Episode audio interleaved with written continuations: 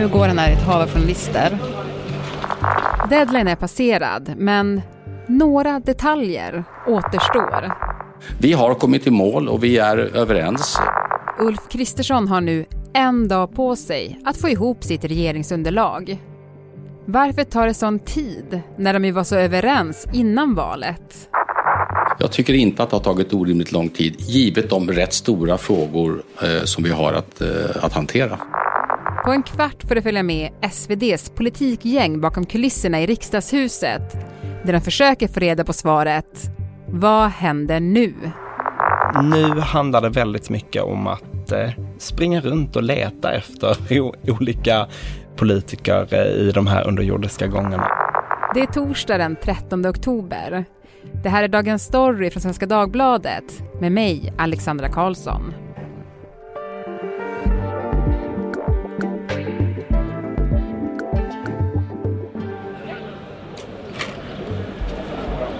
Henrik Torhammar, politisk kommentator på SvD. Nu står vi på Mynttorget i Stockholm med ett gäng kollegor. Vad är det som sker? Vi står och väntar på att Ulf Kristersson ska komma ut och tror vi, om Svenska Dagbladets uppgifter stämmer, säga att man har inte kommit i mål än. Och det vi gör nu är att häcka.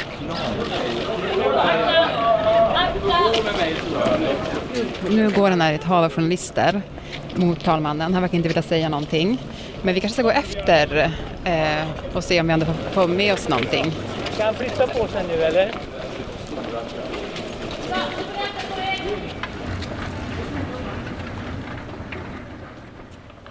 Nu kommer han in här efter att ha träffat talmannen. Jättemycket folk här. Och var.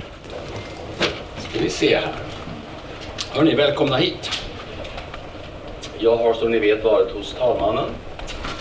Eh, och jag tänkte berätta för er ganska exakt eh, det jag berättade för honom.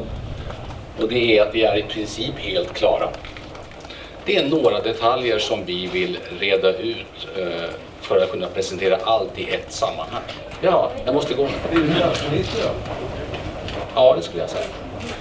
Bra, tack ska ni ha. Inget är klart förrän allt är klart, var väl budskapet. Vi ska försöka gå och hitta Erik Nilsson, politikreporter, för att få en liten analys av vad det här betyder egentligen. Ja, men Erik Nilsson, nu har vi tagit oss upp till eh, ja, press av, eller pressdelen av riksdagen kan man väl säga, eller? Ja, nej, men det här är pressrummet som vi brukar kalla det. Det är precis intill eh, pressläktaren i, eh, i eh, kammaren. Mm. Och vi var ju alldeles nyss där nere när Ulf Kristersson hade presskonferens. Vad tar du med dig av det han sa? Nej, men jag tar med mig eh, att han sa att det är i princip klart, sa han. Det är bara några eh, detaljer som måste lösas ut eh, mellan de här partierna, Moderaterna, Kristdemokraterna, Liberalerna och Sverigedemokraterna eh, för att de ska kunna presentera en helhet, vilket de eh, ville då. Eh, det tycker jag är väldigt intressant. Han, eh, jag ville ställa en fråga om det men jag fick inte chansen. Han, han, tog själv upp det osäkra världsläget. Man kan ju tänka sig att det sätter en stor press på eh, Ulf Kristersson att bli klar. Att till, eh, få ihop en regering när vi har ett krig i vårt närområde. Vi är mitt i en NATO-process. Eh, men han tycker ändå det är värt att vänta på att lösa ut de här detaljerna. Och vad kan det vara för detaljer? Jättesvårt att säga. Vi alla spekulerar om det. Eh, en sak som eh, det har rapporterats om är eh, vilka partier som ska vara med i regeringen. Um, och då handlar det framförallt om Liberalerna, för det vill ju egentligen inte Sverigedemokraterna. De vill inte ha med Liberalerna i regering. Um, men det vill ju Liberalerna. E-, ett tecken på att det inte är färdigt vilka partier som sitter i regeringen är att Ulf Kristersson måste berätta det för talmannen och eh, det har han nu då inte gjort. Så, så det kan man tänka sig att det fortfarande är det man förhandlar om helt enkelt? Ja, och eh, det, det, kan man absolut tänka sig och, och, och, och då eh, kan man också tänka sig om det är så. Det är mycket spekulationer nu, men eh, om inte det är färdigt så kan man ju också tänka sig att det finns eh, sakpolitik som inte är färdigt. För att om, om man tänker utifrån Sverigedemokraternas perspektiv, för att de ska acceptera Liberalerna i regering så vill de ha mycket sakpolitik eh, tillbaka och då eh, kan man ju förutsätta att de inte har fått det än, enligt Sverigedemokraterna själva. Men alltså vad hinner man egentligen göra på två dagar? Jag tror att man hinner göra en hel del på eh, två dygn, ska man nog säga. För att det är ju också nätt nätter och morgnar och allting som man eh, kommer använda nu. Men eh, man, man ska inte glömma att den här tidspressen är ju en väldigt stor del av eh, förhandlingarna. Eh, har man ingen deadline då går det lite trögare men när man har en så här skarp deadline då, då, och vill komma överens då, då händer saker. Det har ju varit eh, två veckor nu av förhandlingar mellan de här partierna och eh, du och alla våra andra kollegor har ju försökt allt vad ni kan för att få reda på liksom, vad är det som händer. Vad vet vi om de här förhandlingarna? Nej, men vi vet egentligen eh, eh inte så mycket vad som egentligen pågår. Vi vet en del om formerna. Vi vet ju att eh, partiledarna i helgen förhandlade på ett fint slott utanför Västerås. Vi vet att förhandlingarna sker på olika eh, nivåer i partiet eh, där det finns några eh, interna chefer som är huvudförhandlare men där, eh, där eh, frågor hissas som det heter när, när de kör fast. Ehm, det vi inte vet så mycket om är ju eh, Eh, just själva innehållet. Vad är det de har kommit överens om? Vad är det som eh, de inte har kommit överens om som är, som är ännu mer eh, intressant? Där har de ju verkligen varit framgångsrika i att hålla tätt.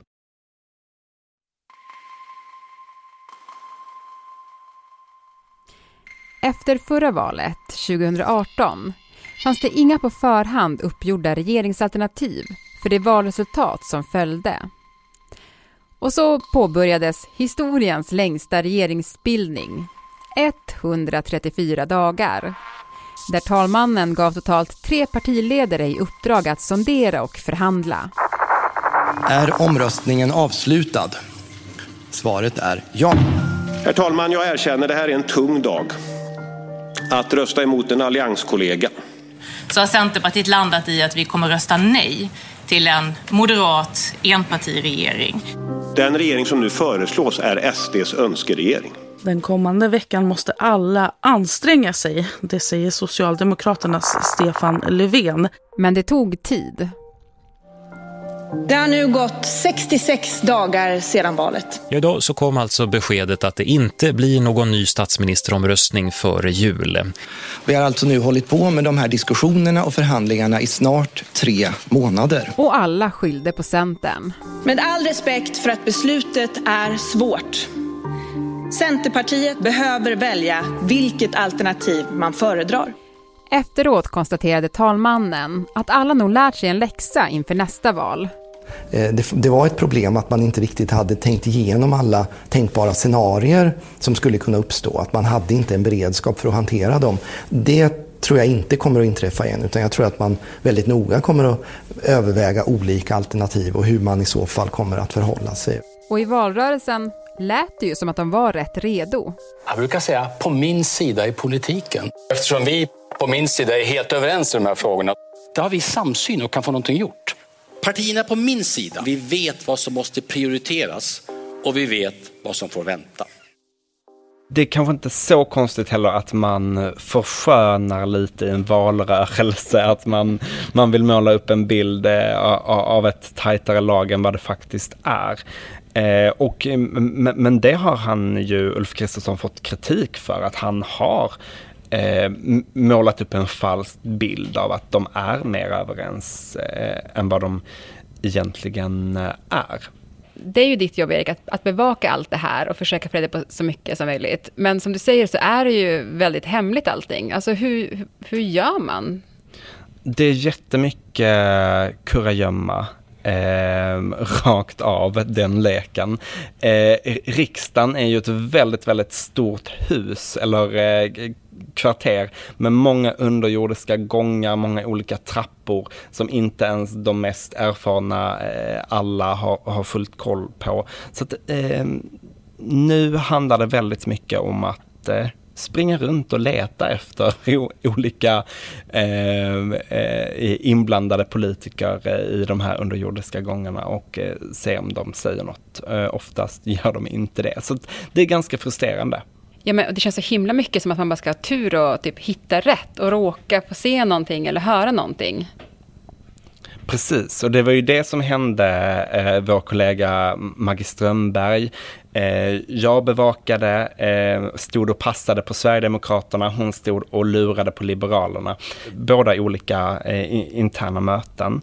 Men Liberalerna hade ju stängt in sig, eh, men Eh, Maggie hon har ju väldigt bra syn tydligen så att hon kunde se in eh, på deras powerpoint då eh, vad som stod och då, då, stod det ju bland annat att Moderaterna är lite stressade, Liberalerna har ingen brådska och så stod det vad eh, Ulf ska säga imorgon. Jag tror det var citat Ulf imorgon kolon god ton nära. Citat slut. Man kunde inte säga mer. Eh, så, att så att ibland får man någonting. Ehm, det är bra jobbat av henne. Mm. Och, man, och man kan ju säga att det var exakt det som Ulf Kristersson sa idag. Innebörden var exakt just det. Och nu är det ju då eh, onsdag när vi spelar in och på fredag ska han då träffa talmannen igen och som det lät på honom, då, då kommer han kunna säga, eh, liksom, då kommer det vara helt klart. Vad kommer du göra till på fredag, Erik? Nej men nu är det ju jättespännande att veta vilka citat, detaljer, slutcitat det handlar om som inte är färdiga. Eh, är det som vi pratar om regeringsfrågan, vilka partier som ingår i regeringen? Är det ehm, eh, handlar det om eh, sakpolitik? Och det blir också spännande att se hur partierna agerar nu i det här läget som vi pratar om. De har varit väldigt tysta, hållit tätt. Kommer det fortsätta att hålla i eller kommer de vara mer sugna på att eh, läcka nu? Tack så jättemycket Erik för att du var med i Dagens Story. Tack.